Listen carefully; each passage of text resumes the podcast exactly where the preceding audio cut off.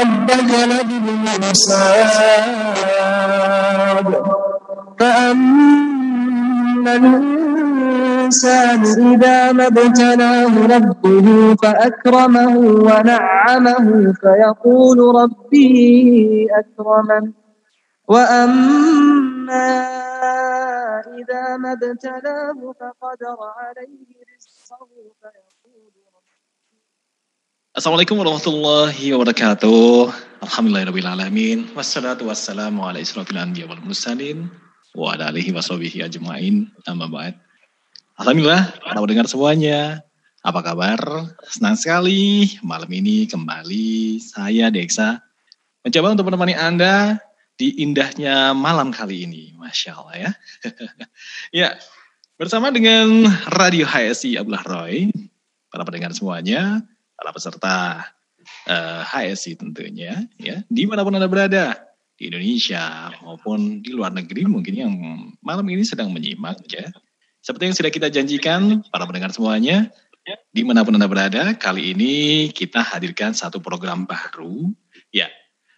Ke kalau yang kemarin hari Jumat kita lagi ngobrol tentang hmm, dunia usaha dengan narasumber salah satu pengusaha yang ada di Makassar ya. Dan tadi malam kita bincang-bincang bersama dengan dokter tentang kesehatan. Masya Allah, lengkap pokoknya. Paketnya lengkap. Dan malam ini, para pendengar, seperti sudah kita sampaikan dengan Anda beberapa waktu yang lalu, kita akan namanya motivasi juga Radio HSI Abdullah Roy.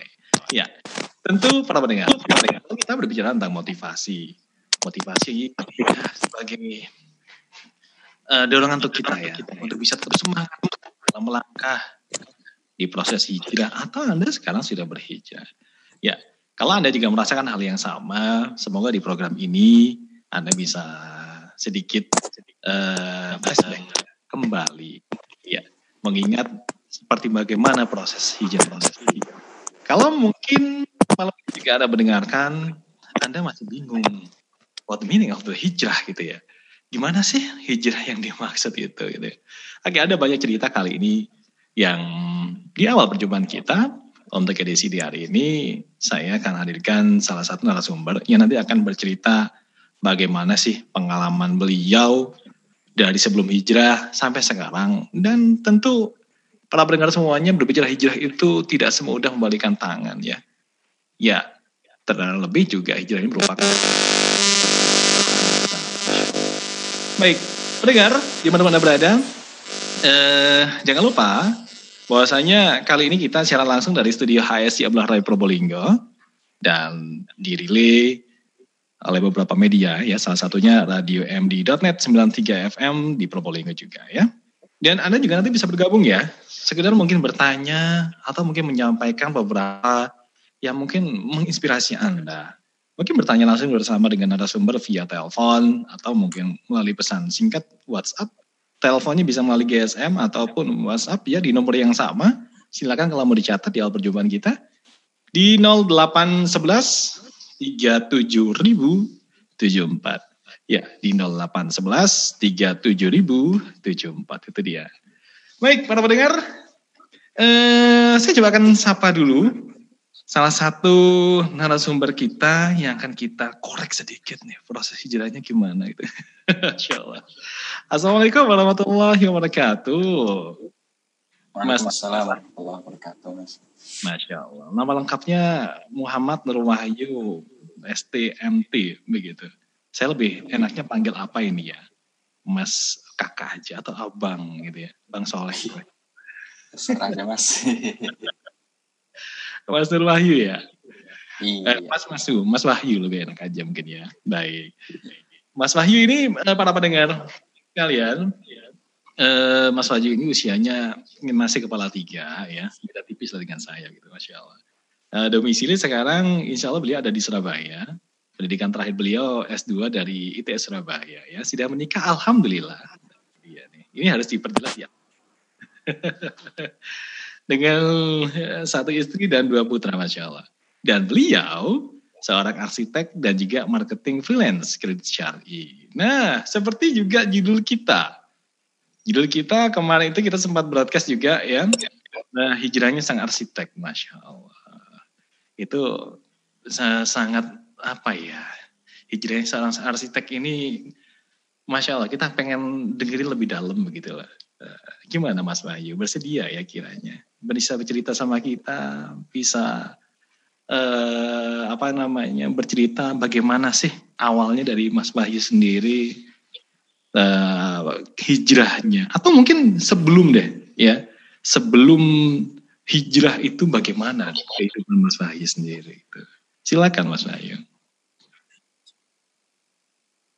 uh, ini sih dulu awalan hijrahnya itu ya mungkin proses titik awalnya gitu ya itu tahun 2012an itu itu masa awal-awal kuliah S2 itu okay. sering main ke salah satu toko buku terkemuka. Enggak perlu nyebut merek kan ya misalnya. nah, itu di terus Surabaya ya Mas ya. Itu Surabaya. nemu kenapa? Tokonya di Surabaya waktu itu. Iya, di Surabaya. Surabaya. Hmm. Itu nemu buku yang judulnya itu cukup provokatif gitu, namanya Sang Liberalis. Nah, Sang itu kan uh -uh, okay. Sang Liberalis. Itu formatnya novel, itu karyanya salah satu asatidz juga. Hmm, Karena formatnya novel, jadi saya tertarik buat baca tuh. Ah, okay. Apalagi Allah itu S2-nya Ana ini bahasannya se uh, banyak seputaran falasifah, uh, filsafat, teori, oh. dan kritik arsitektur gitu. Oh, okay. Makanya kok ini kok judulnya kok menarik sekali gitu, hmm. liberalis gitu. Sang Uh, ya itu berawal dari baca-baca itu, hmm. tapi sampai 2014 itu tetap ada pergolakan batin gitu. Dalam artian pergolakan batin itu seperti apa, Mas Wahyu? Ah, itu pergolakan batinnya. Buku itu kan dijelasin tentang proses hijrahnya seseorang juga gitu. Okay. Nah, itu khususnya masalah buku itu true story ya atau hanya sekedar fiksi atau gimana memang cerita pengalaman hidup seseorang kah iya, buku itu itu true story diambil dari oh. kisah nyata oke okay. jadi jadi itu ceritanya tentang uh, perubahan pola pikir masalah cara beragama gitu caranya memahami Islam ini gimana sih gitu oke okay. dari baca buku itu akhirnya banyak pergolakan batin apa apa uh, apa iya sih cara beragamanya selama ini kayak gini keliru toh kebanyakan teman anak juga banyak yang pemahamannya itu kayak gini gitu hmm. Hmm. akhirnya uh, setelah nikah itu akhir 2014 awal 2015 tuh mulai deh cari-cari hmm. gali-gali siapa sih uh, ini apa sih yang namanya manhaj apa yang namanya usul furu apalah segala macam itu khilafiyah dan segala macam itu nah itu yang nah Uh, Mas Bayu, sebelumnya tahun 2012 itu kondisi antum sendiri sedang mempersiapkan uh, uh, tesis di S2 ya, begitu ya. Uh, ya. Antum masih belum menikah pada waktu itu ya. Oh, masih belum menikah. Oke. Okay. Terus Mas dilanjut Mas 2014 ketika menikah? Oh, habis ketika nikah, habis nikah itu awal 2015 mulai dia cari-cari masalah itu terus cari-cari pusat siapa sih yang bahas tentang ini ya itu mulai deh itu itu alhamdulillah waktu itu YouTube sudah gampang banget kan di diakses gitu hmm. Hmm. sampai di tahun 2016 putra pertama anak itu lahir hmm. alhamdulillah di situ kayak berasa jadi turning point turning point paling besar gitu gimana itu mas turning pointnya ada di mana mas jadi anak ngerasa apa sih kalau misalkan anak ngajarin anak-anak sama kayak yang karena diajarin dahulu. Ya. Masa iya gitu. Masya Allah. Gitu. Jadi apa nggak enakan kalau dibina sejak awal sehingga nggak banyak apa ya istilahnya kalau kita beli bukan beli ya kalau misalkan kita mau benerin barang itu kan lebih mudah lebih sulit mas justru. Oh, lebih sulit ya. uh, ibaratnya kalau misal anu aja deh analoginya bangunan aja deh karena arsitek ya dengan bidang nah itu ibaratnya untuk renovasi itu jauh lebih sulit gitu. Nah, betul, betul. Sulitannya lebih sulit daripada bangun dari awal. Betul. Masalahnya kayak gitu sih. Jadi uh, mulai dari dari situ, Anda cari-cari kajian yang berpahamanan uh, sesuai dengan pemahamannya para sahabat radhiyallahu anhu gitu. Nah hmm. ini pas juga sih waktu 2020, 2018 itu dapat info masalah apa pembelajaran online hmm. salah satunya HSI ini HSI mm salah satunya HSI ini membahas masalah akidah khususnya akidah mulai dari dasar gitu nah, itu kan merontokkan subhat-subhat yang dulu banyak bersarang di kepala gitu semacam itu ya oke okay. sebelum kita lanjutkan dulu Mas Wahyu Mas Wahyu juga termasuk salah satu peserta dari HSI ya HSI kemarin berapa Mas boleh tahu 182 Mas 182, Insya Allah. Iya. Ya. Uh, tadi di tahun 2016 Mas saya juga bercerita, masanya putra pertama tadi lahir begitu ya. The, ada turning point yang antum merasakan dan antum merasa ini adalah momen yang tepat begitu ya, membangun sebuah pendidikan, sebuah apa ya penanaman tauhid yang benar kepada anak mumpung masih awal kan begitu ya. Di tahun 2016 itu sudah berpikir seperti itu ya Mas ya? Alhamdulillah begitu mas. Hmm, Masya Allah. Tapi artinya uh, bawaan dari buku yang tadi, yang awal tadi itu, itu emang menginspirasi banget gitu ya mas ya? Iya mas, karena itu true story-nya uh, agak greget, ada gregetnya itu karena kok mirip-mirip anak gitu loh. Awalnya gimana? Doyan, gimana? Awalnya doyan banget masalah yang ya bisa dibilang filsafat gitu loh. Jadi ah. kayak sosok keminter gitu loh. hal-hal sederhana diperumit eh, kayak gitu. Ya, ya ini hal yang simpel untuk kita pikirkan, ya pemahamannya, tapi rumit sekali nggak ketemu ujungnya ya mas ya. ya ya ya ya. ya. Uh, awalnya, tapi akhirnya di buku itu terbuka begitu ya mas Wahyu ya. Iya. Oh, Masya Allah. Iya, iya. Baik, Kemudian Mas Bayu, kita lanjutkan lagi tahun 2018 ya. Oke, terputus Mas Bayu. Coba bisa di ini hmm, dicoba kembali Mas Bayu? Enggak terputus, uh, suaranya kecil ya. Oh, halo. Ya, nah. Allah. Ya. Oke, sudah tersambung kembali. Ya, tahun 2018 dari tahun 2016 tuh putranya udah mulai lahir tuh Mas Bayu ya. Nah, kemudian Mas Bayu juga ada berkeinginan untuk membangun uh, bagaimana sih mengedukit anak-anak gitu ya mulai masih. Sebenarnya uh, saya yang pengen kita tanyakan nih, istri waktu itu bagaimana ya posisinya Mas Bayu? Istri ya. Nah, Oke. Okay. Ya kalau untuk masalah bergeser gitu ya hijrah gitu maksudnya ya memang agak berat sih ya orang, orang anak sendiri aja yang ngalami sendiri juga ngerasa berat gitu apalagi istri yang uh, kasarannya lebih kurang ini lebih kurang perhatian awalnya gitu masalah-masalah keislaman gitu cara ber, beragama yang baik dan benar itu ya tapi ya memang itu emang harus gimana gimana kan ku anfusakum wa ahlikum kan ya memang harus sabar gitu ya. tapi art, artinya kalau kalau sekarang gimana kondisi ya, sendiri? Alhamdulillah sudah banyak banyak sekali perubahan. Masya Allah. Alhamdulillah. Alhamdulillah. Oke, okay. cukup menarik. Uh, dari bagaimana kita mengajarkan begini mas ya, artinya banyak cerita-cerita yang pernah uh, anak tangkap begitu ya dari banyak keluarga. Artinya di sini ada keluarga kecil yang baru saja mungkin menjalani kehidupan, ada anak. Artinya menjalani sebuah keputusan untuk anak itu nggak mudah loh, benar nggak mas?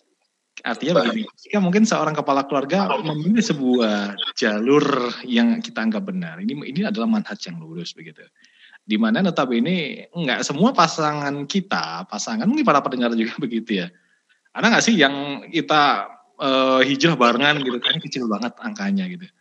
Walaupun ada gitu. Uh, ketika memang uh, pasangan kita belum melakukan yang hal yang sama, itu bukan hal yang mudah gitu Apalagi ketika ada beberapa mungkin tekanan dari keluarga, ya kan, dari lingkungan. Itu Mas Bayu ngerasain gitu nggak sih? Awal-awal ketika Mas Bayu menerapkan ini manhat untuk anakku nih, ya harus begitu. banget mas intinya anu sih jadi uh, masalah kalau kayak gitu tuh wajar sih karena kan apa ya itu kan perubahan yang cukup besar dan bahkan kecenderungannya itu mempengaruhi banyak hal. Betul. contoh dari penampilan terus perlakuan pada orang-orang yang bukan mahram. Itu, itu aja masalah non mahram itu aja oh, pembahasannya panjang. Ya, panjang banget itu mas. Masya Allah. ada kisah nggak waktu itu? Ketika antum udah mulai belajar apa itu mahram dan batasannya ada kisah nggak yang pernah dirasain waktu itu? Oh ada mas. Gimana? Itu itu kan uh, ada budenya istri. Ya. Itu ya deket gitu deket sama keluarga istri. Nah, itu biasanya emang ya dulu biasa aja salaman salim salim lah ya. Kan ya. orang Jawa apa orang Indonesia lah khususnya itu salim lah gitu. Begitu mulai mulai tahu nih siapa aja sih? Mahram siapa aja non mahram itu mulai harus harus mulai dong diaplikasikan. Eh, waktu diaplikasikan nih pertama kalinya dari jarak jauh nih ya, hmm. pakai isyarat gitu salamannya itu Allah ngerasa, duh, kenapa anak ini kayak gitu? Nah, itu akhirnya itu jadi masalah juga gitu. Akhirnya, duh, ini kayak kamu ini ikut aliran apa sih gitu. nah, itu. So, muncul banyak hal yang seperti itu. Anak anggap juga wajar sih kalau iya, iya. anggapannya kalau misalkan orang-orang terdekat kita nggak perhatian, justru mereka nggak akan nanyakan gitu kan. Oh, Tapi kan justru mereka perhatian sama kita. Alhamdulillah itu. Jadi oh karena mereka perhatian kita harus lebih apa ya istilahnya lebih punya keinginan untuk membawa mereka bareng-bareng ayo bareng-bareng yuk kayak gitu ya perbaikin keagamaannya kayak kayak metode beragamanya para sahabat hmm, masya Allah, masya Allah. ya oke okay, Mas Bayu sebelum kita bahas cerita dari Mas Bayu sendiri ya. Saya coba akan berbagi dulu informasi kepada para pendengar semuanya. Jangan lupa ya, program ini adalah motivasi hijrah Radio HSI Abdullah Roy. So, kalau Anda ingin bertanya silahkan kirimkan pertanyaan Anda ya bersama dengan narasumber kita nih. Ya, di 0811 37074. Sekali lagi di 0811 37074. Itu dia. Sebelum kita lanjutkan lagi, para pendengar semuanya, di mana pun Anda berada, kita beri dulu sebentar. Kita coba dengerin dulu yang satu ini. Tetap stay tune di Radio HSI Abdullah Rai. Bismillahirrahmanirrahim.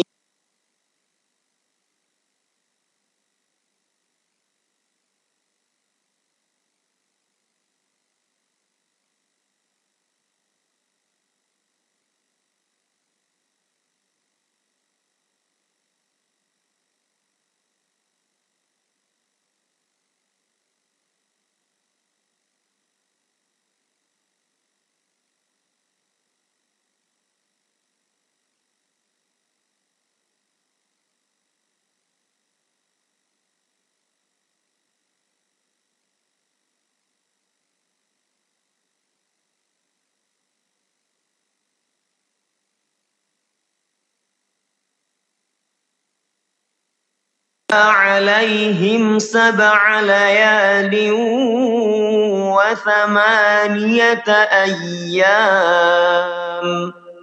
سبع ليال وثمانية أيام حسوما فترى القوم فيها صرعا.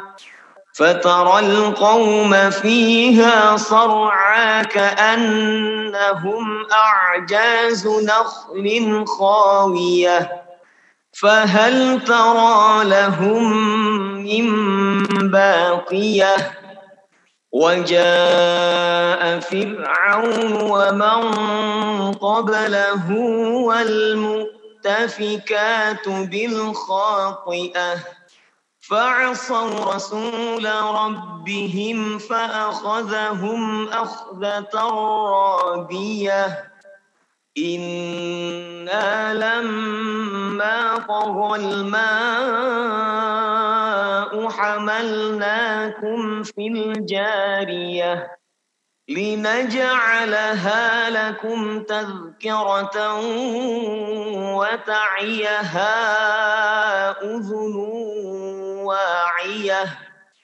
فإذا نفخ في الصور نفخة واحدة وحملت الأرض والجبال فدكتا دكة واحدة.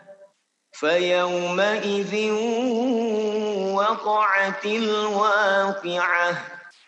وانشقت السماء فهي يومئذ واهية والملك على أرجائها Baik para pendengar HSI di mana-mana berada, kembali di Motivasi Hijrah Radio HSI Abdullah Roy ya di malam ini dengan satu pembahasan kita yang cukup menarik untuk Anda. Ya, jadi ada kisah uh, hijrahnya seorang arsitek. Ya, dengan narasumber kita kali ini ada Mas Wahyu ya yang sudah masih terhubung bersama dengan kita di sini. Masih tersambung dengan Radio HSI Mas Wahyu. Oke. Okay. Masya Allah, Alhamdulillah ya. Baik Mas Bayi, sedikit tadi kita berbicara dan kita bercerita juga untuk bercerita tadi tentang perjalanan Anda sendiri mulai tahun 2012 sampai dengan 2016 gitu ya.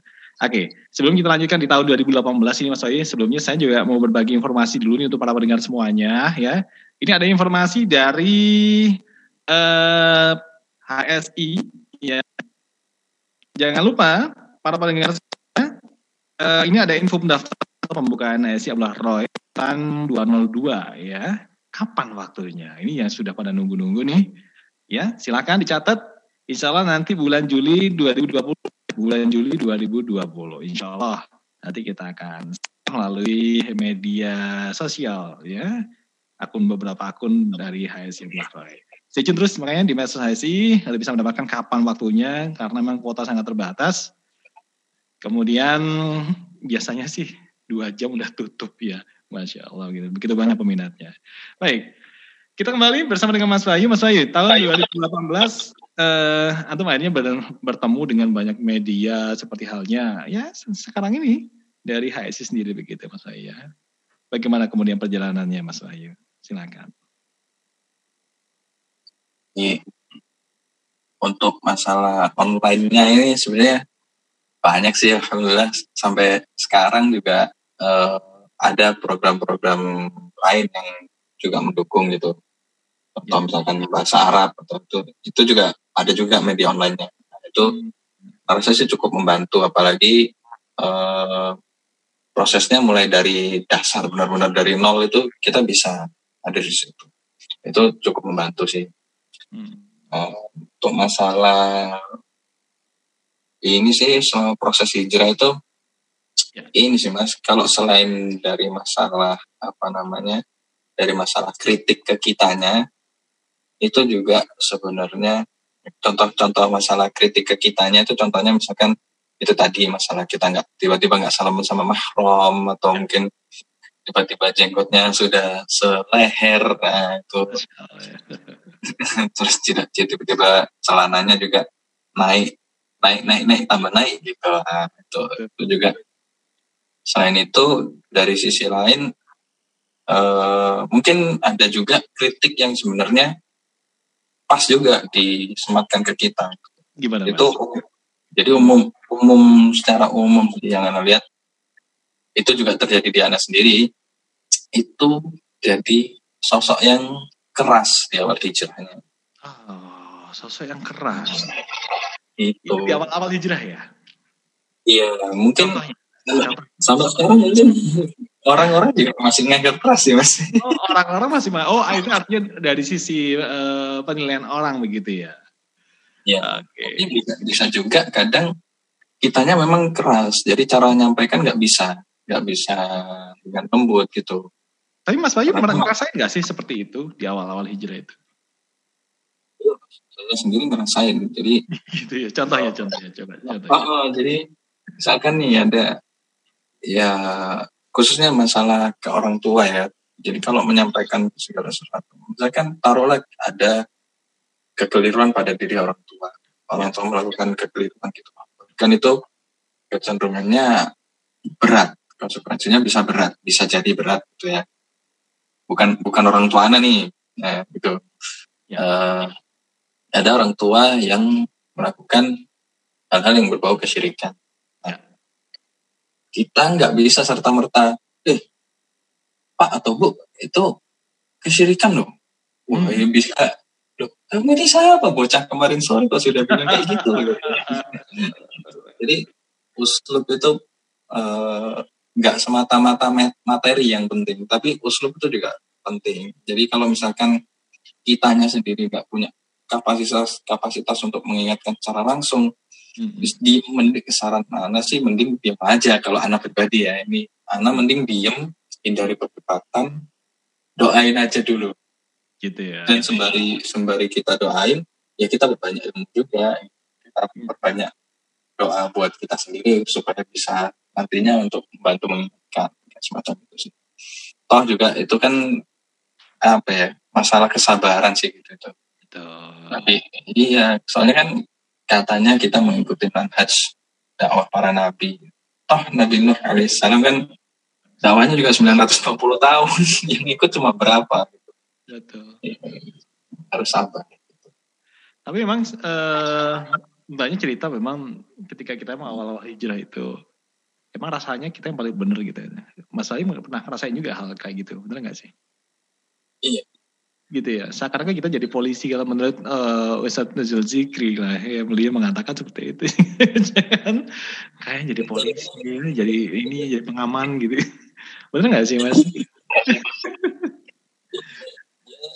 ya ada benernya Ustadz Ustadz Nazul iya. Zikri. Kalau misalkan masalah kayak polisi halal haram gitu kali ya. Betul, betul, betul. Yang ini lama Ya, kalau uh, uh, per, per apa namanya perpindahan dari sisi style ya, gaya hidup, pasti dong pada perbedaan lah gitu ya ketika kita berbicara tentang hijrah. Kalau dari keluarga sih nggak begitu terlalu ini ya Mas ya, memperhatikan ya. Cuman artinya memang sempat diutarakan gitu ya. Ada nggak sih mas sesuatu yang sangat berbenturan sekali dengan keluarga, internal keluarga ya, yang notabene mungkin dari orang tua atau mungkin orang-orang terdekat lah gitu. Yang ada beberapa yang momen yang pas memang sangat berbenturan sekali dan akhirnya antum mengambil sebuah langkah tersendiri gitu. Ada nggak seperti itu? Enggak sih kalau dari sisi keluarga enggak ada. Cuma kalau dari sisi keluarga mungkin yang paling berkesan mungkin dulu malah anak di sidang gitu kayak kayak kayak di sidang gitu dikumpulin sama kakak-kakak sama ibu Qadarullah uh, sama ibu bapak sudah hmm, bapak sudah meninggal hmm. gimana gimana mas ceritanya ibu uh, gitu jadi uh, kan itu zamannya Qadarullah waktu zamannya apa itu ya pokoknya masalah bom-boman gitu deh. Oke.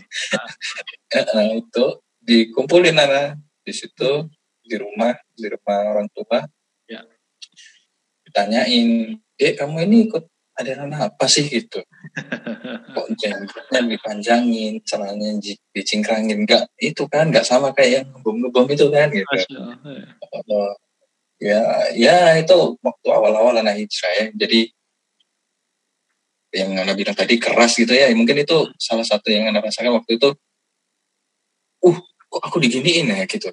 Padahal kalau kita flashback dari saat ini itu harusnya kita bikin oh iya ya berarti orang tua kita sayang berarti kakak-kakak kita sayang. Karena perhatian jangan sampai terjerumus jadi orang-orang yang kayak ngembong-ngembong gitu gitu. Jadi ya sabar aja deh gitu. Akhirnya kalau sekarang sih bisa ngomong gitu. Kalau dulu ya emosinya duluan yang naik aja. Iya iya natural sebenarnya ya alami banget begitu ya proses-proses seperti ini yang uh, saya sendiri yakin gitu para pendengar semuanya juga ya ada di rumah di mana-mana berada sekarang lagi stay tune gitu Saya juga juga yakin Anda juga merasakan hal yang sama gitu ya, Masya Allah. Atau mungkin ada yang enggak kok saya biasa aja, Masya Allah. Berarti. itu dari sisi keluarga ya Mas Bayu ya. Artinya sempat disidang gitu. Artinya orang tua juga berarti uh, sebenarnya perhatian banget gitu ya sama antum sendiri gitu ya. Nah, cuman kadang-kala ketika mungkin yang anak tangkap adalah waktu itu kalau memang masih awal-awal gitu bawaannya emosi doang gitu kali ya. Oke, okay. kalau uh, uh, lingkungan mas, lingkungan tempat kerja uh, atau mungkin lingkungan teman-teman mungkin yang sempat sempat berjalan dulu ya di dunia sebelum hijrah gimana mas tanggapannya? Ya, kalau ya, yes, itu konsekuensi lah mas kalau misalkan kita hijrah gitu ya konsekuensinya pasti temen itu bakalan banyak yang banyak yang silih berganti gitu. Jadi ya semoga itu termasuk di sabdanya Rasulullah mentar kasyai'an lillah pada Allah khairan minha. Jadi semoga itu teman yang barusan datang ini yang lebih baik untuk menggantikan teman-teman yang sudah lalu yang kurang baik mungkin semacam itu sih. Ya. Tapi sempat anu nggak mas? Uh, ada beberapa statement-statement nggak dari teman-teman seperti itu? statementnya mungkin kurang bagus lah ya yang kita anggap kalau kita sih ya fine aja gitu ya ada nggak mas terlontar dari mereka gitu dibilangnya udah deh yang moderat aja. Moderat ya apa sih moderat moderat gimana dong mas? Maunya mereka seperti apa coba? Uh, Masya Allah ya. Baik, baik. Sebelum kita lanjutkan lagi, para pendengar semuanya, eh, jangan lupa kalau Anda ingin bertanya, mungkin berbagi juga, silakan Anda bisa kirimkan pertanyaan Anda, atau bisa telepon langsung di 0811 37074 ya. Ya, di 0811 37074 itu dia. Ya, berbicara tentang hijrah, banyak sekali cerita ya masing-masing orang punya jalan cerita yang luar biasa gitu ya. Seperti halnya seperti tema malam kita yang kita usung hijrahnya sang arsitek nih. Nah ini kisahnya Mas Wahyu ini beliau juga seorang arsitek begitu. Untuk anda baru aja nyimak ya. nah ini beliau bercerita bagaimana proses hijrahnya gitu. Oke kita akan lanjut dulu Mas Wahyu sebelumnya. Uh, perbedaan ada nggak sih perbedaan setelah pasca hijrah gitu ya? Sebelumnya dengan sesudahnya apa yang anda merasakan mas? Dari internal dulu, kemudian eksternalnya juga. Silahkan. Internal sih ya ini sih mas uh, namanya bisa lebih apa ya mungkin bisa lebih tenang gitu. Pembawanya bisa lebih tenang terus uh, berpikirnya bisa selalu kembalinya ke ini boleh nggak sih? Ini nggak ini boleh nggak sih? Ya ya. Hmm. nah, itu itu bismillah. Itu kalau dari internalnya gitu sih. Jadi uh, ada perasaan lebih tenang. Karena kita mm, jadi kembalikannya perkara ini ke mana gitu jadi jelas orang nggak nggak bakalan semrawut mikirnya jadi kalau misalkan orang yang nggak jelas tujuannya itu kan bisa tanya ke sana, kemari ke sana, kemari ke sana. Kalau ini rujukannya sudah jelas. Jadi hmm. apa pun perkaranya kembalikan ke Allah dan Rasulnya kan semacam itu kan. Betul. Jadi ya, insya Allah bisa lebih tenang. Itu perasaannya juga bisa lebih plong kayak itu. Mau curhat ya sudah aja ke Allah. Iya. uh, selain keluarga juga Mas Bayu, ada nggak dampak atau efek dari uh, ke dunia pekerjaan? Ada nggak sih dari proses hijrah itu sendiri di awal-awal ya khususnya ya? Mungkin sampai sekarang ada nggak sih yang ke bawah sampai sekarang gitu? Ya lumayan banyak mas. lumayan banyak ya. Oke, contohnya mas Bayu, ini bisa ceritain sama kita di sini. Kalau arsitektur itu kan uh, orang mau desain apa pun kan terserah dia. Dia dia ownernya, dia yang menentukan ini peruntukannya untuk ini gitu. Hmm, hmm. Ya. Nah, kalau misalkan peruntukannya untuk rumah, untuk hal-hal umum yang memang nggak dilarang oleh Allah dan Rasulnya kan nggak masalah gitu. Tapi kalau misalkan ada ini contohnya uh, beberapa tahun lalu dulu itu uh, ada orang minta tolong desainkan gereja. Iya. Ah, itu. langsung, aduh, maaf sekali. Ini padahal langganan anak gitu. Mm-hmm. Aduh, mohon maaf sekali. Kalau saya nggak bisa. Mungkin yang lain aja, Ibu. Oh gitu ya, Mas ya. Kenapa, Mas? Iya, memang di agama saya memang nggak diizinkan untuk untuk membantu pembangunan gereja. Kalau untuk fasilitas sosial mungkin masih masih bisa gitu, nggak langsung sama urusan sama gereja. Tapi kalau ini kan tidak masalah akidah, aduh, udah enggak deh gitu. Hmm. Ada juga uh, dulu tempat karaoke itu ada, nah. terus bang itu juga banyak kalau bang malah itu kan kalau misalkan kita sudah dapat satu cabang kan bisa gampang tuh ketemu Betul. sama cabang lain. Betul, nah. rekomendasi gitu ya Mas ya. Pakai ini aja deh arsiteknya, yang ini gitu ya Mas biasanya ya. Betul. Hmm. Udah, Mas tinggalin aja udah. Padahal kerjaan hitungannya kerjaan gampang tapi uh, tapi duitnya lumayan banyak gitu loh. Betul, betul, betul. Masya Allah. Iya, iya, iya, iya banyak yang harus ditinggalkan ya Mas ya. Dari seorang profesi arsitek yang notabene memang menurut antum pribadi sih ini bermudah-mudah cuma desain doang gitu ya kan. Tapi nggak bisa dilakukan semua orang gitu. Ya, kalau uh, dari istri sendiri mas kalau boleh tahu sebelumnya dengan adanya kita berhijrah otomatis dong yang biasanya uh, job ya job dari arsitek sendiri ini arsitektur itu lebih banyak tiba-tiba dikurangin karena antum sendiri menolak di beberapa jenis ya pengerjaan seperti tempat ibadah dan muslim, hmm, tempat karaoke, hiburan dan lain-lain. Istri gimana mas? Lebih dalam nih ceritanya nih. Kalau sekarang sih nggak masalah sih, artinya oh ya jangan loh gitu, jangan jangan diterima loh kayak gitu. Jadi enggak waktu itu mas waktu awal-awal mas. Kalau awal-awal enggak. Oh kalau masalah untuk masalah yang beda akidah itu memang sudah ini sih sudah maklum. Jadi sudah bisa nerima banget gitu. Gak masalah. Tapi kalau misalkan kayak masalah karaoke bang itu kan kadang masih ada anggapan, tuh kan kita enggak bukan yang langsung melakukan itu gitu. Asalnya kayak gitu sih. Ya, masih subhat lah gitu ya. Masih disubahin. masih diakal-akalin lah gitu ya Mas ya kayaknya ya. itu gimana gimana tuh? Solusinya ya. itu gimana?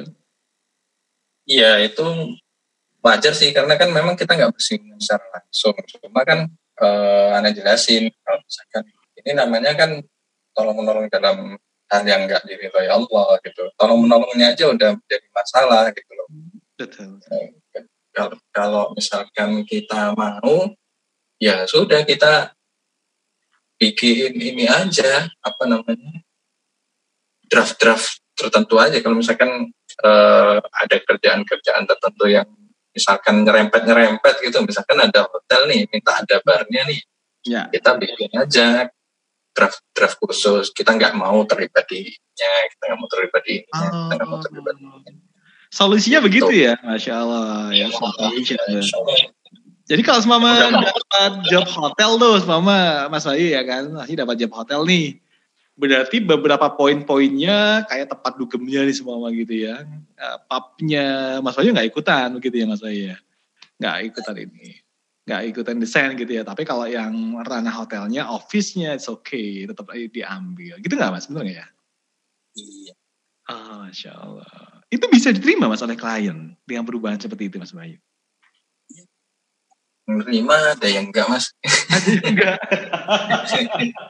kok gitu ya gimana jelasnya coba jelasnya gimana ya, gitu deh ya gitu deh pak gitu ya, apa apa ya. kita bilang sih kalau masalah itu ini anu pak kalau misalkan bisa ini diserahkan ke pihak lain nggak masalah saya nggak nggak ada kepentingan di sini juga nggak masalah gitu jadi mungkin bisa diserahkan ke pihak lain ya lebih hmm. baik Lagi pula saya tidak ngerti perkara ini ya. Itu mungkin bisa, oh iya ya, mungkin dia bukan spesialisasinya. Mungkin kepikirannya dia seperti itu. Karena, ya. Uh, itu cara menolak akhirnya begitu ya. Option B gitu ya. Option A kita kasih tawaran dengan oke okay dah, kita ngerjain yang ini, ini, yang ini enggak ya gitu. Mereka nggak mau kasih yang B berarti gitu ya. Itu kita ngeles gitu. Sistem ngeles sih. beneran loh, beneran Mas Bayu. Ngomong-ngomong emang cerita hijrah memang kalau seperti itu, kalau emang urusan materi emang iya. Iya nggak semuanya sih nggak semuanya. Tapi kadang-kadang banyak orang yang mengatakan memang yang lebih berat adalah di pasangan gitu ya. Apalagi yang biasa nih, udah biasa nih para bunda gitu ya, yang udah biasa uh, dapat uh, uang belanja dari suami yang tiba-tiba harus dikepras habis-habisan. Bahkan ya mungkin ada loh yang sebelum sampai nol tuh ada loh mas ya. Sampai minus kadang-kadang ketika awal-awal hijrah itu. Ada yang mereka nggak kuat loh mas Insya gimana mas Ayu cara memberikan stimulan untuk keluarga biar enggak ini tetap begini loh jalan itu gitu ya tetapi ini Anton juga konteksnya adalah kepala keluarga gitu Anda yakin eh Anton nggak akan lepas gitu ya memberikan sebuah motivasi juga kepada istri yang pasti. Gitu. Seperti apa sih mas bentuk motivasinya? Bisa dibocorin dikit nggak mas? Paling awal itu yang anak lakuin sih itu menanamkan akidah. Artinya nggak mungkin Allah itu menelantarkan hambanya. Itu pertama. Yang kedua, takdir itu tentang rezeki itu sudah sudah selesai penulisan itu sudah selesai nggak mungkin luput kalau misalkan itu hak kita dan nggak mungkin kita dapat kalau itu memang katanya kita itu salah satu yang di awal harus ditekankan kalau nggak gitu mas nanti uh, orang kan jadi kepikiran kalau misalkan masalah pemahaman masalah takdir aja nih masalah ya. takdir itu kalau misalkan pemahamannya kayak orang sudah lupa sama Allah itu seolah-olah semua itu hasil usahanya dia sendiri. Padahal itu takdir dari Allah. Jadi kalau anak pribadi nganggapnya akidah masalah takdir itu salah satunya yang harus ditekankan Ya. Oke. Dan itu bisa diterima ya Mas ya, Alhamdulillah ya Mas ya. Ya, okay. proses. Uh, ini ada pertanyaan Mas Wahyu udah masuk bersama kita di sini. Tapi sebelumnya Uh, saya coba akan berbagi dulu nih informasi untuk Anda, para pendengar di Radio SI dan semua media yang sedang merelay ya uh, siaran ini. Jangan lupa ya, ini ada informasi tentang uh, pembukaan pendaftaran untuk peserta HSI. Ya, silakan kalau mau dicatat, insya Allah untuk info pendaftaran atau pembukaan HSI Abdullah Roy Angkatan 202, insya Allah nanti pada bulan Juli ya. Sekarang udah bulan apa nih? bulan Juni, tanggal 21 Juni. Udah deket, udah deket insya Allah ya.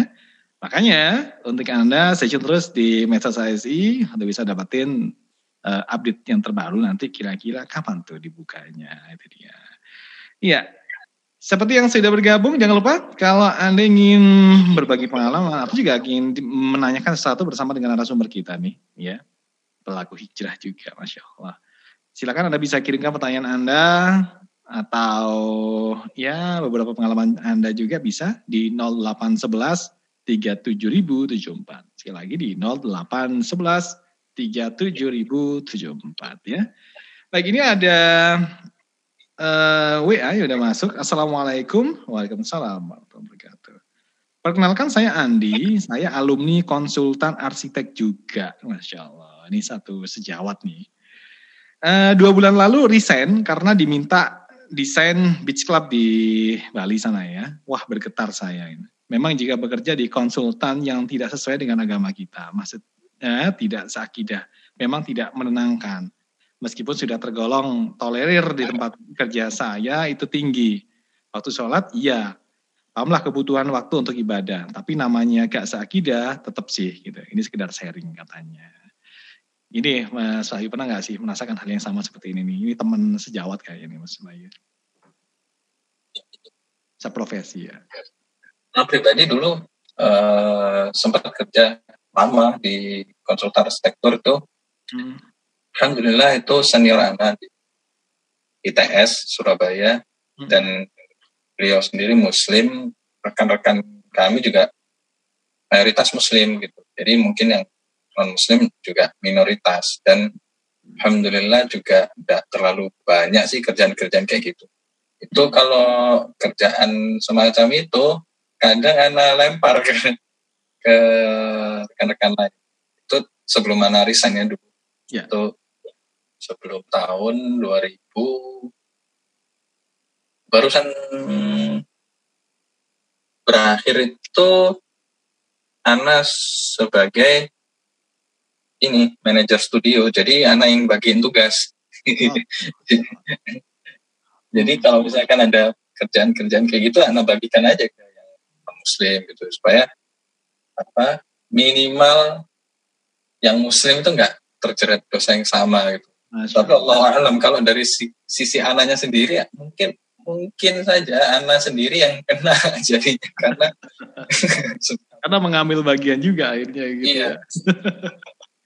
Iya, iya, iya. Iya, ya, untuk masalah itu ya memang kalau misalkan kita ada di satu perusahaan memang gitu sih konsekuensinya ya kita kan harus nurut bosnya gitu. Kalau misalkan bosnya kurang paham seperti itu ya betul akhirnya kita harus pinter-pinter ngelepasin diri dari jerat-jerat yang kayak gitu.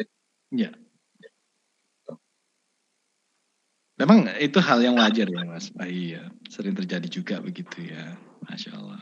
Ya oke, okay. para pendengar semuanya, kalau ada yang bertanya atau mungkin uh, berbagi yang lain, silakan di 0811 37074. Tapi sebelum kita akan bahas lagi nih, ngobrol-ngobrol tentang bincang kita, hijrah kita bersama dengan Mas Wahyu, kita break dulu sebentar, saya akan kembali setelah yang satu ini. Bismillahirrahmanirrahim. Bismillahirrahmanirrahim. والعاديات ضبحا فالموريات قدحا فالمغيرات صبحا فأثرن به نقعا فوسطن به جمعا. إن الإنسان لربه لكنود وإنه على ذلك لشهيد وإنه لحب الخير لشديد. أفلا يعلم إذا بعثر ما في القبور وحصل ما في الصدور؟ إن ربهم بهم يومئذ لخبير. بسم الله الرحمن الرحيم. القارعة ما القارعة؟ وما أدراك ما القارعة؟ يوم يكون الناس كالفراش المبثوث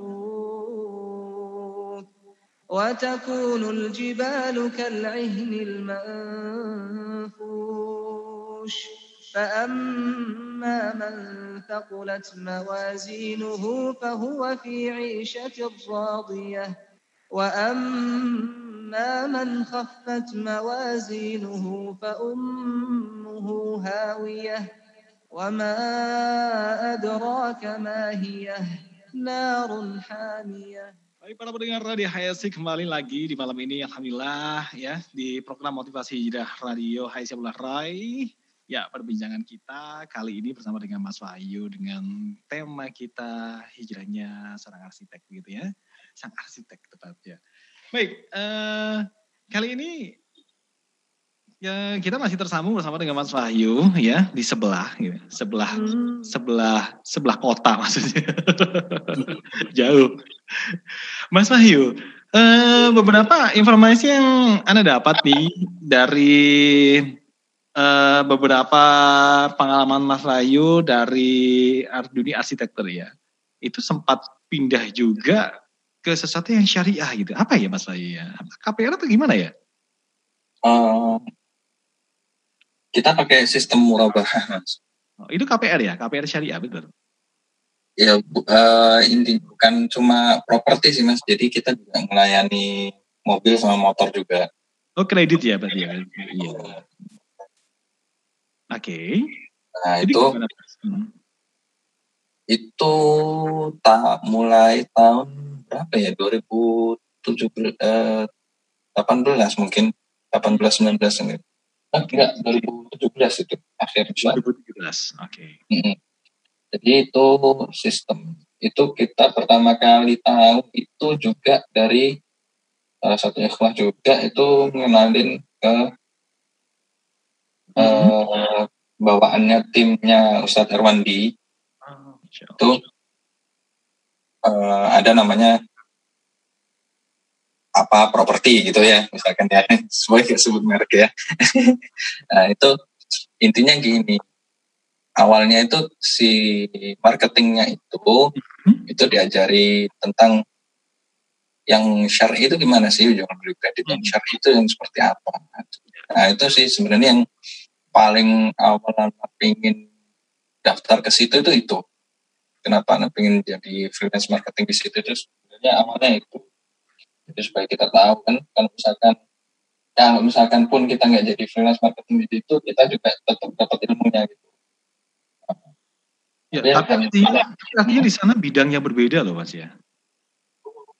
Mas. Karena itu kan sasarannya jadi marketingan gitu. Ras, sedangkan marketing. Ah. sedangkan anak sendiri sebenarnya nggak ada basic gitu untuk jadi orang marketing gitu kan Oke okay, oke okay. sebelum kita sebelum kita membahas tentang syar'inya, uh, kita mundur sedikit Mas Ayu. Kenapa waktu itu berpikiran untuk meninggalkan dunia arsitek? Bukan dunia arsitek itu tetap tetap masih inilah ya, masih uh, cukup punya harga lah gitu ya untuk bisa survive mungkin dunia arsitek gitu loh gitu. uh, kenapa mas pada saat itu langsung di, meninggalkan dunia itu? Bilang meninggalkan sebenarnya enggak mas. Jadi, oh enggak. Ya. Itu sebenarnya tetap jalan sebagai arsitek, cuma uh, untuk sambilan aja sih ini freelance marketing. Jadi karena freelance marketing sendiri ini juga tidak makan waktu terlalu banyak juga. Gitu. Mm -hmm. Itu. Dan tetap jalan sampai sekarang dua-duanya mas ya, Ya. ya, Mas Bayu, begini Eh, ketika antum kita ngomong masalah keyakinan ya kembali lagi ya. Nah, keyakinan bahasanya Allah itu senantiasa akan membantu makhluknya kan begitu ya. Uh, ketika Mas Wahyu menentukan sebuah budget tersendiri, kemudian menentukan tasan tersendiri di dunia arsitek pada waktu itu, artinya di sana kan mau tidak mau uh, jobnya mau tidak mau kan akan berdampak begitu ya Mas ya. Ya contohnya yang tadi Mas saya udah cerita tuh, kalau ada job untuk hotel, saya nggak mau di bagian ininya di pubnya saya nggak mau, ininya di karaoke saya nggak mau. Gitu. Eh, resikonya adalah masalahnya nggak dipakai, gitu ya kan. Uh, Mas Ayu masih tetap bertahan di dunia itu gitu ya. Nah janji Allah seperti apa Mas yang antum merasakan untuk antum dan untuk keluarga sebagai penggantinya? Ada nggak sih ceritanya? Wow, Mas. Jadi kalau misalkan masalah itu. Jadi kalau misalkan ada satu proyek gitu ya kita ternyata tentangan nih entah perkara dan entah perkara syubhat atau apa gitu memang enggak diri dari Allah apa itu nantinya paling nggak begitu lama gitu ada ada rezeki masuk. Meskipun itu nggak terlalu besar hmm. tapi alhamdulillah bisa mencukupi. Ya. Jadi kalau misalkan kita takut itu berarti masih kurang yakin gitu. Betul. betul. Mm-hmm. Ada nggak mas contoh-contoh yang pernah atau merasakan? Ada nggak? Ketika anda membutuhkan, mungkin jobnya waktu itu sempat ya gagal project dan lain-lain. Kemudian Allah gantikan dengan yang lain. Ada nggak seperti itu momennya? Lu gini, ini ada urusannya sama kerjaan lain juga sih. Jadi maksudnya selain dunia arsitektur. Jadi dulu itu Ana juga sempat uh, ini ditawari untuk join dengan grup yang menjual rumah sitaan, rumah lelang itu. Rumah lelang, rumah lelang ya. Hmm, rumah sitaan. Berarti dari pihak bank ya, Mas? Hmm, nah, tapi anak digait sama teman anak yang punya channel ke situ. Jadi bukan orang banknya sendiri. Jadi dia seperti pihak ketiga. Ah, ya. Tujuannya hmm. anak guide apa? Untuk mengvisualisasikan kondisi rumah. Jadi dari fotonya, dari bikin denahnya, hmm. itu divisualisasikan kembali pakai software. software. Ah. Terus kalau misalkan ada orang mau beli tapi ingin didesainkan sekalian, kita tolong karena kayak semacam itu. Hmm. Allah itu gagal, gagal total usaha gagal. yang itu gagal total nol. Gagal itu sempat jalan kemudian nggak gagal total apa memang nggak jalan sama sekali? Uh, sudah jalan tapi uh, intinya operasionalnya sudah keluar dan ah. operasional sudah keluar. Oke. Okay. Cukup banyak dan cukup lama promosi apa segala macam sewa hosting segala macam itu terus alhamdulillah gagal itu Allah gantikan dengan proyek lain yang waktu itu rumah jadi pengawasan rumah tinggal tapi di Tulungagung itu cukup besar rumahnya alhamdulillah hmm. itu pun sebenarnya orang klien lama, klien lama itu ngubungi lagi. Mas bisa nggak kalau bantuin pengawasan? Bisa pak, saya hmm. anak datengin. Hmm. Anak datengin, udah di DP nih, di DP pulang lagi, mulainya dua bulan depan lah ya, gitu. Hmm. Oh iya pak, saya sudah. Nah tungguin kabarnya, DP-nya udah di tangan anak nih. Masya Dari depan ya. depan. Terus udah ternyata bulan depannya Allah beliaunya gagal bangun. Nggak jadi bangun. Terus? Nah ternyata wes sudah nggak jadi bangun yang rumah ini. Aku mau bikin uh, tempat apa itu namanya ya kayak tempat pemancingan gitu mas. Tapi ini kayak uh, lebih ke arah resort gitu Ah, Masya Allah. Masya Allah. Itu anak benar-benar Masya Allah. Gantinya itu luar biasa. Ya. Kalau misalkan maksakan diri di tempat yang tadi. Nah, yang pertama ya. Uh, itu Allah alam itu hasilnya gimana? Anak nggak tahu. Kalau misalkan anak benar-benar masuk di situ. Itu. Ya. Artinya memang janji Allah pernah luput ya mas ya. Artinya dari semangat kita hijrah, kita meninggalkan perkara yang syubhat, Allah menggantinya dengan yang lebih bahkan ya. Masya Allah. Ya, yang dialami keluarganya ada nggak mas dari anggota itu sendiri? Ada nggak peristiwa yang hampir sama seperti itu ceritanya? Ada nggak? Dari istri deh, dari sisi dari sisi samping kita nih, ada nggak mas Wahyu? Hmm, ada sih, jadi apa namanya? Kalau dari istri itu mungkin dari segi teman ya, teman-temannya itu kan ya kasarnya mungkin kurang baik gitu ya. Ya. Terus mulai belajar banyak belajar banyak belajar belajar sedikit sedikit sering belajar itu nama-namanya juga apa namanya teman-temannya yang kurang baik ini nama-nama juga mungkin risih atau gimana itu betul, ya betul. Uh, kalau di Instagram atau apa itu kan unfollow gitu kan ya auto ya, auto unfollow. Iya, itu auto unfollow itu apa? ya, ya, ya, betul. Artinya di sana memang Allah akan menunjukkan dengan teman-temannya yang sama gitu ya Mas ya. Masya Allah. Ya, ya, ya, cukup menarik. Nah, ya, nggak terasa kita sekarang sudah jam 21 loh. Ada waktu kurang lebih 30 menit ke depan. Sekali lagi untuk para pendengar, jangan lupa ya, kalau Anda ingin bertanya, mungkin juga ingin berbagi sharing di sini, boleh dah. Ya, di 0811 37074. Di 0811 37074 itu dia. Baik, eh, Mas Bayu ada nggak sih tips dalam memantapkan hati ketika hendak atau sedang berhijrah gitu? Untuk para pendengar, ya yang mungkin awal-awal seperti ini, awal hijrah itu dirasa ada yang sangat berat sekali gitu ya. Ada yang mungkin enggak sih Allah tiba-tiba naruh kita di sini sih enak aja jalannya gitu. Itu lebih masya Allah itu ya. Oke, okay. kalau berdasarkan pengalamannya Mas Bayu sendiri nih, khususnya di bidang arsitektur ya, yang sekarang masih mendalami ya Mas ya, dalam artian sekarang lebih bermainnya di mana Mas, dunia arsitek Mas, sebelum kita ngomong tips dulu nih. Iya sih, saya sebenarnya masih di dunia arsitektur sih mostly cuma apa namanya kalau itu kan untuk marketing kan cukup podcast atau pasang status saja itu ya, ya. untuk marketing uh, itu tetap jalan ya mas ya. Ada nggak? Anu mungkin informasi yang detail mungkin siapa tahu nih kita juga butuhin uh, antum begitu ya kalian antum begitu. Ada batasan juga nggak? Ya gitu. Sekarang udah lebih lebih hijrah. Kalau seperti masjid gitu masih terjalan ya masih bisa ya ngerjain gitu ya Mas Fai ya. Bisa, bisa banget Insya Allah. Insya dibantu dengan sebaik mungkin Insya Allah. Ada beberapa sih uh, sudah sudah apa sudah kontak-kontak gitu. Hmm. untuk masalah bangun masjid atau pondok tahfidz atau ponpes gitu ahad.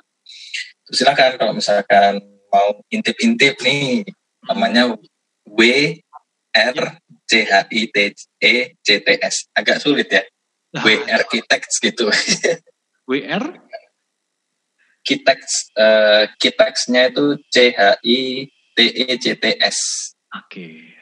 Atau nanti lebih lengkap kalau ada pertanyaan bisa langsung menghubungi nomor center lah di ASC nanti kita akan bagi lagi informasinya ya di nomor yang sama tetap di 0811 37074 itu dia.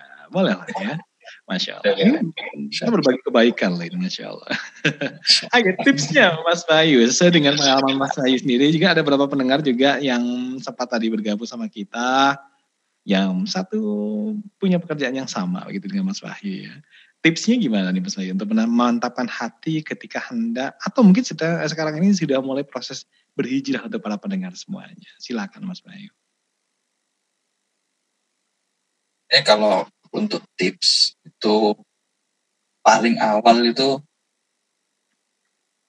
ikhlaskan niat. Ikhlaskan niat itu bisa berefek ke banyak hal. Hmm. Salah satunya kita jadi tidak takut dengan cibiran manusia. Gitu ya mas ya. Ya, karena kemuliaan seseorang itu nggak bergantung dari sisi orang yang menilai, tapi di sisi Allah. Karena nah. Terus selain itu juga kita harusnya imbang ini antara rasa takut sama rasa harap kan rahmat Allah. Karena kalau nggak gitu, kalau misalkan kita cuma takut, doang akhirnya putus asa. Tapi kalau misalkan cuma berharap terus akhirnya wah, kebablasan nanti gitu. Jadi harus imbang itu. Itu eh, kita harus pahami kalau rahmat Allah itu sangat luas. Kalau nggak luas, orang kafir, orang kafir pun nggak akan diberikan rezeki di dunia. Betul. Rahmat Allah itu sangat luas. Terus juga jangan takut dari kehilangan dunia, apalagi uh, diperolehnya dari cara-cara yang nggak diberitahu Allah. Ya.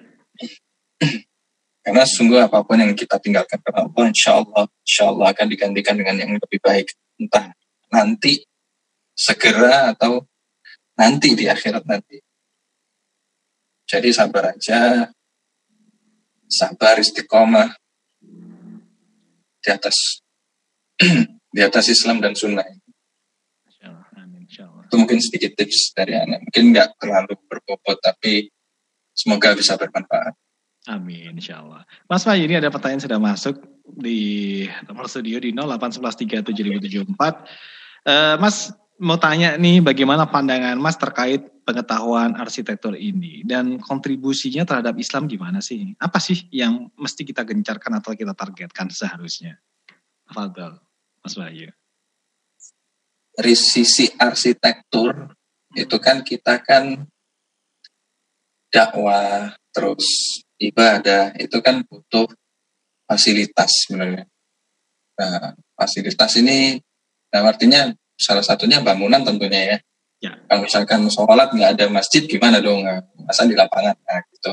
Terus uh, untuk makhat, kempes, panti asuhan segala macam itu kan hikmah kita salah satunya bisa di arahnya ke mendesain bangunan-bangunan seperti itu atau untuk mengembangkan teknologi bangunan ini yang bisa mendukung mendukung kegiatan dakwah ini seperti apa. Misalkan, misalkan nih kita punya visi oh ada sebuah masjid ini sebenarnya bisa nih kalau misalkan di desain tanpa AC. Jadi supaya orang-orang yang ibadah di sini tetap nyaman, ya. tapi hemat energi. Ya, misalnya kayak gitu, oh, itu bisa pengembangannya bisa ke arah sana. Hmm. Kalau lebih jauh lagi bisa juga, kan misalkan mau bikin tower air buat apa namanya, buat bangkitin listrik sendiri atau mungkin mau nyetak bata dari dari lumpur-lumpur yang nggak jelas, eh, misalkan kayak gitu. Itu salah satu arsitek di Surabaya juga Senirana juga sudah ada yang mengaplikasikan seperti itu untuk hmm. bikin masjid. Masya Allah tuh beliau. Semacam ya. itu sih. Banyak ya Mas ya sebenarnya ya kalau kita mau uh, mengapresiasikan keilmuan dan bidang seperti Mas Wahyu sendiri seperti ini ya. Apalagi teman-teman yang berbidang arsitek banyak sekali loh ya di Jawa banyak gitu. Insya Allah. Coba bagaimana kita bisa memberikan kontribusi kepada Islam itu sendiri begitu ya Mas Wahyu ya. Ya Alhamdulillah. Moga-moga ini bisa menjadi motivasi untuk semuanya. Ya sekaligus juga bisa menjadi penyemangat buat yang baru saja hijrah gitu ah sebenarnya hijrah sendiri itu menurut Mas Bayu apa sih gitu? Sebenarnya di awal pertanyaan sebenarnya ya. Cuman kalau sudah kita melewati di fase-fase seperti ini, biasanya kalau orang hijrah awal-awal tadi Mas Bayu itu cerita no, uh, hijrah itu kayaknya lebih kencang aja, seakan-akan kita tuh jadi mandor gitu ya. Apa sih namanya mandor ya? Kalau dunia arsitektur apa Mas? Mandor ya? Api ya, bisa ya gitu ya. Atau supervisornya gitu. Antara ini halal haram ya, kesannya begitu. Nah setelah menjalani fase yang mungkin sekarang udah sekian tahun ya Mas Wahyu ya. Dan sekarang Mas Wahyu bisa menyimpulkan nggak sih hijrah itu seperti apa? Dan gimana caranya kalau kita awal-awal hijrah itu bagian apa sih yang harus kita rem? Biar nggak jadi polemik juga di keluarga kita bahkan bergesekan di lingkungan kita. Bisa sedikit Mas Ayu dikasih gambaran nih. Ini kalau dari sisi anak sendiri itu hijrah itu memang perubahan ya. Jadi perubahan yang mudah-mudahan ke arah yang lebih baik gitu. Kalau misalkan ke arah yang lebih buruk namanya nggak tahu apa tuh namanya kesandung kali ya namanya. gitu. Jadi kalau misalkan hijrah itu kita gerak ke arah yang lebih baik arah yang lebih baik itu yang gimana? Ya yang hmm. sesuai dengan Al-Quran dan Sunnah dengan pemahaman para sahabat. Itu yang benar. Karena satu-satu. Karena kebenaran itu cuma satu sedangkan yang keburukan itu pasti bertambah. Nah kalau masalah apa tadi ya mas yang kedua ya? Yang kedua tadi eh, ketika kita sudah melewati fase itu ya kan gimana kita kasih gambaran sama orang kalau mau awal hijrah itu begini loh gitu ya. jangan, jangan sampai kita ada gesekan ya kan yang jadi polemik antara internal keluarga kita bersama dengan samping-samping lingkungan kita. Gara-gara kita overload deh kayaknya ya berlebihan gitu. Kalau itu sebenarnya lebih banyak diem aja gitu. Itu salah satunya adalah lebih banyak diam orang yang kecenderungannya itu orang kalau barusan aja ngupas kulit itu lebih meledak-ledak tapi sebenarnya nggak banyak yang bisa diutarakan gitu loh. Hmm. adanya emosi bukan ilmu yang keluar nanti. Ilmu betul. Kalau kalaupun ada ilmunya kalau emosi itu dilibatkan biasanya malah orang yang kita ajak ngobrol ini kabur gitu. Oh enggak ngobrol gitu. Betul betul yang kedua banyak senyum. Jadi namanya juga sama muslim ya. Sudah dimaklumi aja. Kata Allah banyak penyesat yang menyesatkan dan orang nggak tahu kalau itu menyesatkan. Karena orang mungkin juga ini sih banyaknya mengikuti jejak manusia yang lain semacam itu. Ya. Tapi masalahnya yang bisa diikuti itu tuh yang bagaimana itu yang mereka nggak tahu. Nah, ini ya. dia garis garis bawahnya adalah dulu Mas Fayu bagaimana bisa menemukan manhaj ini? Caranya dulu bagaimana Mas? Sedangkan dulu kan kita nggak tahu nih bedanya ini manhaj yang gimana sih, jalurnya gimana, metodenya dipakai seperti apa. Bisa berbagi nggak Mas buat yang mau aja hijrah? Cara mencari manhaj yang benar gimana Mas? Versi Mas Fayu nih. Versi Ana sebenarnya itu kaitannya sama tesis Mas. Ah, ada hubungannya ya, masya Allah. Bagaimana? Berarti jadi, sudah ter, berarti sudah terini dong, berarti sudah teruji nih ceritanya nih. Masya Allah, gimana gimana? Bukan, jadi uh, problematika kita mencari uh, referensi ya. untuk mencari sesuatu yang apa ya namanya, untuk yang benar-benar valid itu gimana? Nah ini manhaj ini gimana sih? Manhaj ini kan metode. Nah, ya. Untuk tesis sendiri, metode itu sesuatu yang amat vital. Kalau misalkan metode keliru, resultnya nanti bisa melenceng jauh. Misalkan nih, kita uh, ini di luar di luar tesis anak yang asli ya. ya. Uh, misalkan nih, kalau kita pengen punya bangunan empat kali empat Empat kali empat. Uh, lo, sorry, luas tanahnya empat kali empat. Okay. Misalkan uh, kliennya ini, uh, misalkan uh, soalnya ini mintanya adalah bangunan berlantai dua. Ya. Nah, kalau misalkan metode kita berawal dari bentuk, mm-hmm. pasti hasilnya bakalan beda dari metode kita gambar dari denah. Mm. Nah, kalau misalkan metodenya udah beda, hasilnya pasti beda semacam itu. Nah, kalau misalkan ada teman anak juga ini ini tetap juga tetap kaitannya sama tesis itu bilang hmm? orang beragama itu banyak missing linknya. Missing linknya itu kenapa sih? Ah. Missing linknya itu orang beragama tidak uh, bilangnya sama-sama bersumber dari Al-Quran dan Sunnah, tapi pemahamannya siapa? Ini akhirnya ada koneksi yang terputus. Hmm. Koneksi yang terputus ini sebenarnya bisa ditelusuri lewat kitab-kitab ulama ahlus sunnah. Ahlus sunnah ini selalu uh, mementingkan sanat ya salah satunya. Sanat itu artinya berasal bersumber dari Rasulullah ke para sahabat, ke para tabi'in, ke para tabi'in dan seterusnya. Nah, akhirnya Anda tahu, oh ini missing link yang di sini ini yang nggak nggak ada di Ana dulu. Kalau hmm. misalkan anak pakai pemahamannya filsafat, anak pikir aja sendiri. Berarti ya. pemahaman anak sama pemahamannya si Fulan nanti bisa beda. Kalaupun beda, sama-sama tetap benar. Loh, Betul. kan repot. Nisbi, gak jelas. Gitu. Padahal agama ini jelas. Ya. Kalau nggak jelas, ngapain Rasul diturunkan sama Allah Ya kan? Gitu. Mungkin itu sih kalau apa namanya masalah menentukan karena gimana uh, cara pencariannya itu gimana sih kok bisa ya.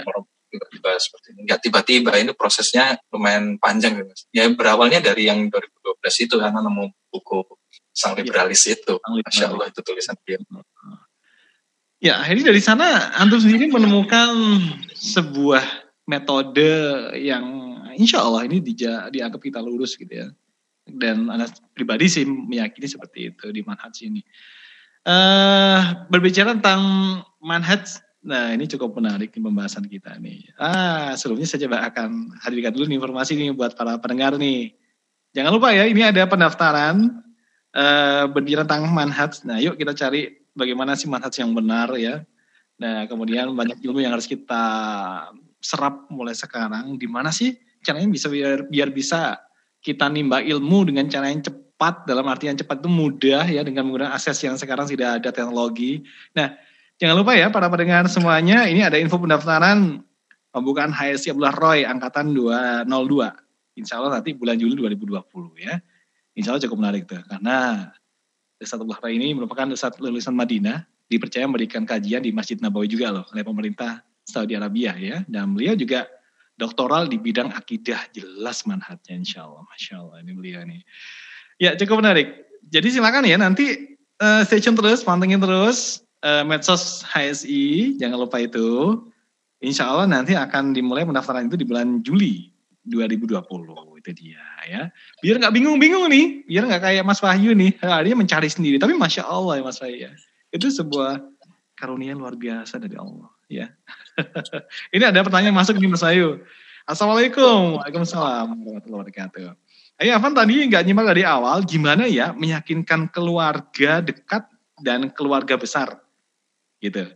Uh, juga nih sama nih kalau mau ikutan pesan desain arsitektur rumah gimana caranya? Nah, ini pertanyaan kedua nanti saya jawab. Pertanyaan kedua saya jawab Mas Bayu. Mas Bayu. Yang pertama Mas Bayu untuk meyakinkan keluarga dekat dan keluarga besar sesuai dengan pengalaman Mas Bayu gimana nih? Silakan. Iya.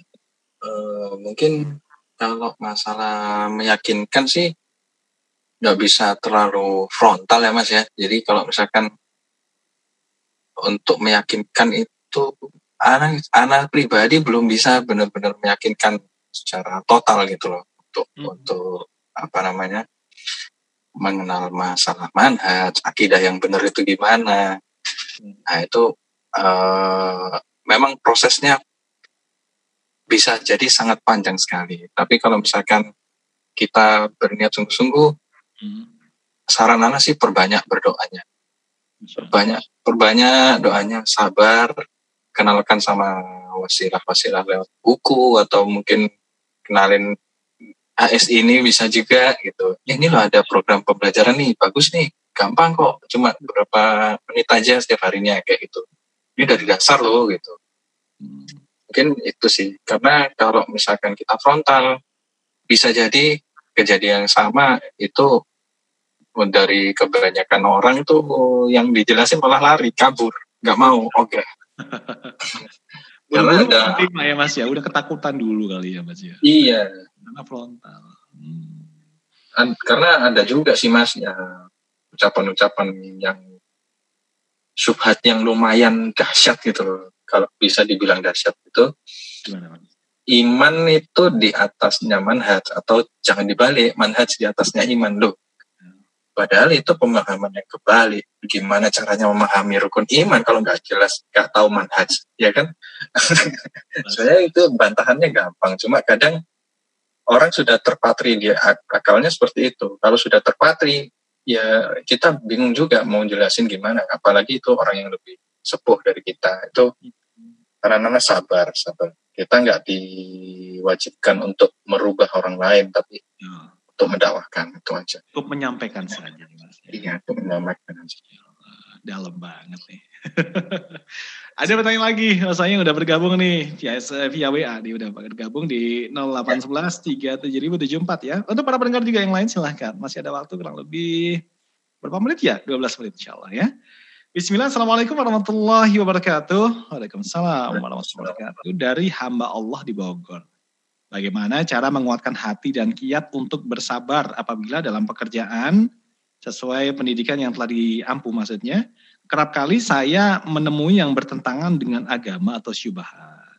Apakah bekerja keluar jalur pendidikan itu bisa dijadikan solusi? Sangat disayangkan pendidikan yang telah disempu, eh, yang telah ditempuh tersebut.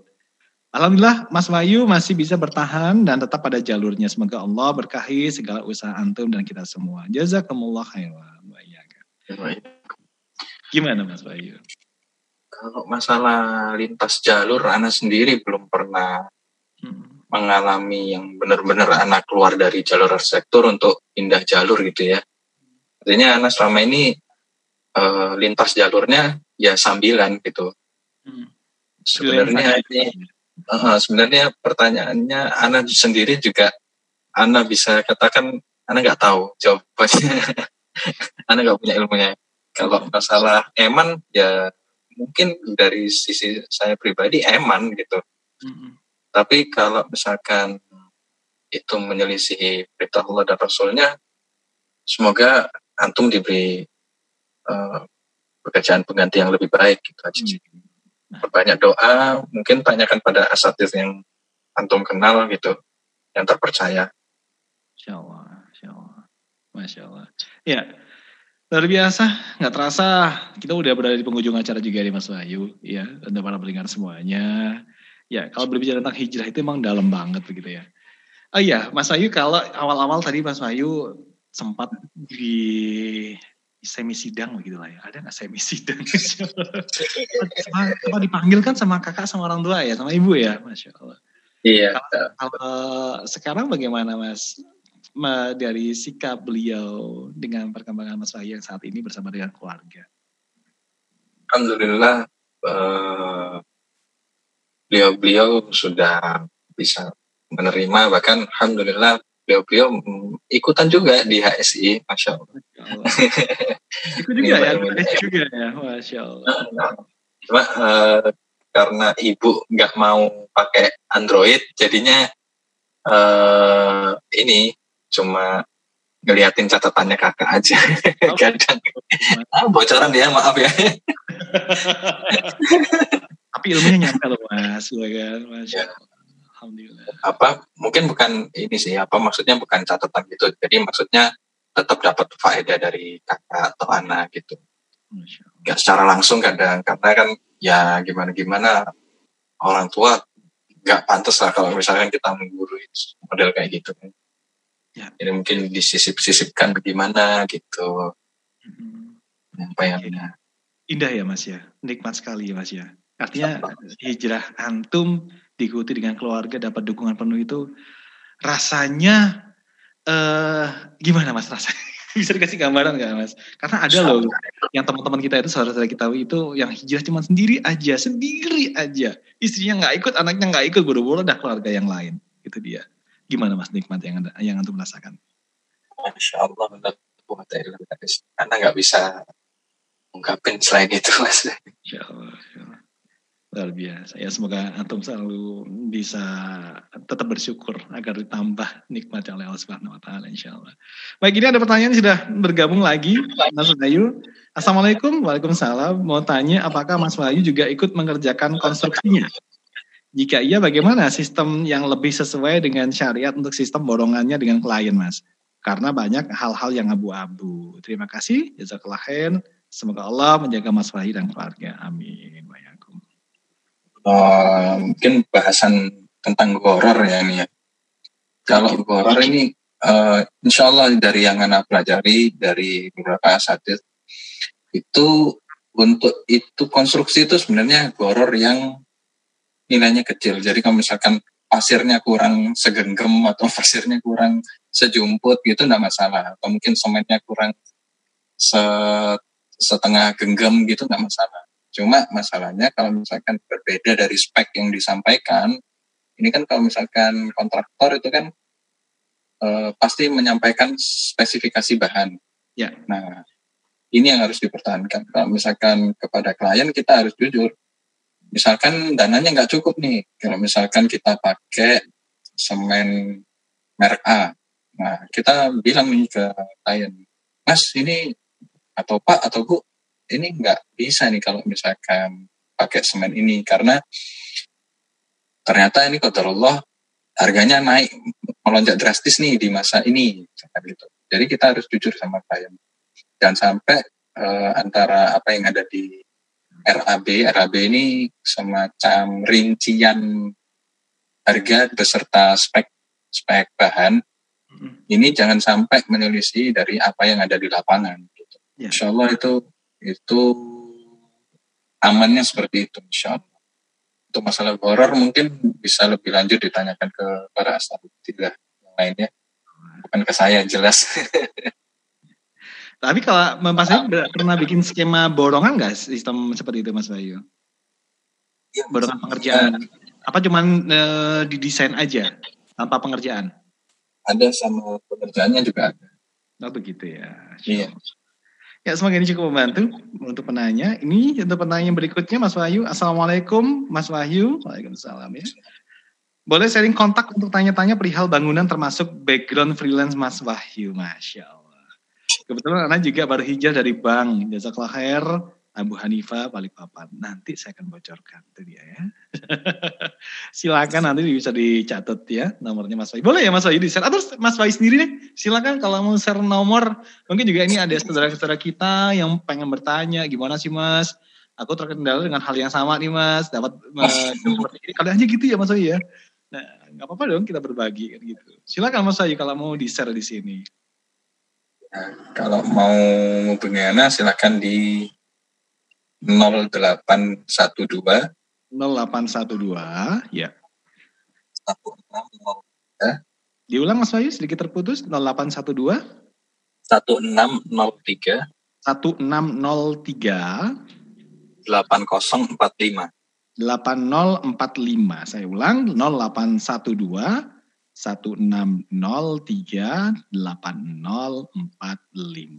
Itu dia ya. Kalau belum jelas nanti bisa tanya melalui nomor yang uh, center ya di radiasi. Baik Mas Wahyu, di sisa waktu 4 menit lagi. Ceritakan nih Mas, gimana buah hati Mas Wahyu saat ini uh, dengan Mas Wahyu dari awal sudah dipersiapkan ketika anak mulai lahir. Mas Wahyu pengen anak-anak ini juga mm, bisa menikmati hijrahnya orang tuanya. Kan gitu ya Mas ya dari awal ya. Kalau sekarang udah umur usia berapa Mas berarti Mas? Yang pertama usia 4 Mas. Empat ya, empat tahun ya Mas ya. Oke, okay, Masya Allah. Dari empat tahun itu gimana Mas? Uh, artinya anak memang masih belum bisa men, uh, ini ya, sudah belum bisa mengenali atau mungkin bisa menyimpulkan apa itu manhat begitu ya. Tapi artinya dengan kebiasaan yang diterapkan Mas Bayu gimana Mas untuk anak-anak saat ini?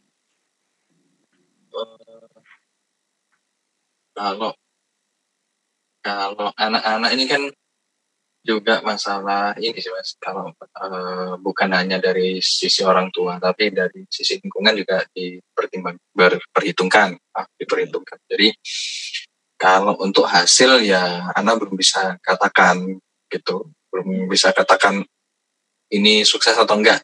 Cuma kalau masalah pendidikan sih yang paling anak tekankan selama ini selalu misalkan si anak minta permen nih anak ya. bilang aja e, nak mintanya sudah minta dulu ke Allah belum nanti habis minta ke Allah bilang ke ayah ya gitu ya. kayak misalkan contohnya kayak itu terus uh, kalau misalkan dulu ini sering kalau misalkan anak ke masjid minta ikut waktu ikut ternyata malah lari-lari itu yang ada repot lah itu kan. Kecil lah ya. Ya tapi usaha kita untuk ini semoga bisa membuahkan hasil. Sabar aja mas. Tapi untuk mengatakan sukses atau enggak ya Allah anak ini belum bisa dilihat juga. Masih kecil. Tapi setidaknya kan di sana kan anak sudah mulai dikasih pemahaman-pemahaman yang sesuai dengan syariat gitu ya mas ya? Sudah mulai. Ya semoga Allah senantiasa menjaga Mas dan keluarga nih begitu. Dan nggak terasa Mas Wahyu dari pengunjung acara. Jazakallah khair Mas Wahyu atas cerita hijrahnya. Semoga ini juga bisa menjadi motivasi treatment juga untuk semua para pendengar radio HSI di mana yang sekarang lagi mendengarkan ya di mana pun. Ya semoga ini bisa menjadi uh, semangat para peserta semuanya. Oh ya kali aja mungkin ada para peserta dari HSI sendiri. Ini sekedar informasi yang mau juga berbagi pengalamannya gitu. Karena ada pengalaman hijrah saya masya Allah luar biasa ceritanya. Panjang banget dah gitu kali ya. Bisa nanti bisa hubungi nomor uh, Radio HSI ya di 0811 37074 ya. Nanti tinggal sebut aja nama ARN-nya nanti akan dikonfirmasi sama tim di backend ya. Itu dia. Mas Bayu terima kasih banyak ya sudah mau berbagi bersama dengan Radio HSI kali ini Uh, Jazakallah khairan. Semoga antum bersama keluarga senantiasa dijaga oleh Allah Subhanahu wa taala. Salam untuk keluarga semua di rumah Mas Bayu. Sampai jumpa lagi Mas Bayu. Yes. Baik. Uh, kita sudah terhubung dengan Mas Bayu barusan, ya, masya Allah ceritanya. Dan para pendengar jangan lupa nih sekali lagi nih, saya nggak bosan-bosan untuk bagi informasi. Nah tadi kita sempat bahas-bahas tuh ya gimana cara belajar agama biar kita paham dari dasarnya. Jangan lupa para pendengar, ini ada pendaftaran untuk peserta HSI eh, yang insya Allah akan segera eh, launching ya. Insya Allah dalam waktu dekat ini di bulan Juli 2020 itu dia. Ya, di 2020 info pendaftaran atau pembukaan HSI Abdullah Roy angkatan 202 di bulan Juli 2020 ya. Kapan waktu detailnya tepatnya? Maka stay tune terus di sini atau juga Anda bisa akses di medsos HSI. Banyak banget ya, dari websitenya, ada, ada HSI Media dan lain-lain ya. Baik, dan tidak ketinggalan saya juga akan informasikan bahwasanya ada beberapa program dari Radio HSI seperti hari Jumat malam itu ada bincang wirausaha ya.